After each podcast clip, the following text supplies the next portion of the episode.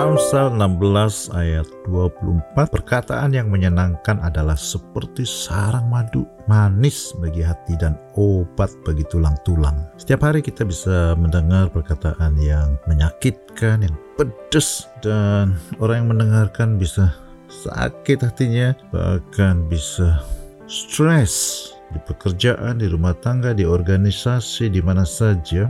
Sebaliknya, perkataan yang menyenangkan dari atasan yang memuji pasangan kita yang memberi semangat atau mungkin masih ingat ketika masih pacaran kekasihnya berkata sesuatu yang manis teringat sampai berhari-hari. Betapa besar perbedaan yang bisa dibuat oleh perkataan yang kita keluarkan.